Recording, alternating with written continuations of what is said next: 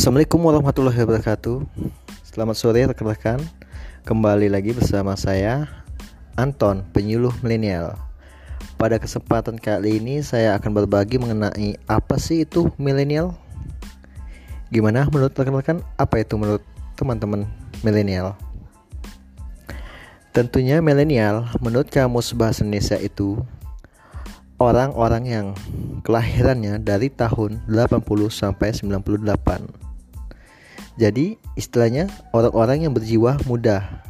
Akan tetapi, pada zaman sekarang, milenial itu identik dengan orang-orang yang tanggap akan kemajuan teknologi IT.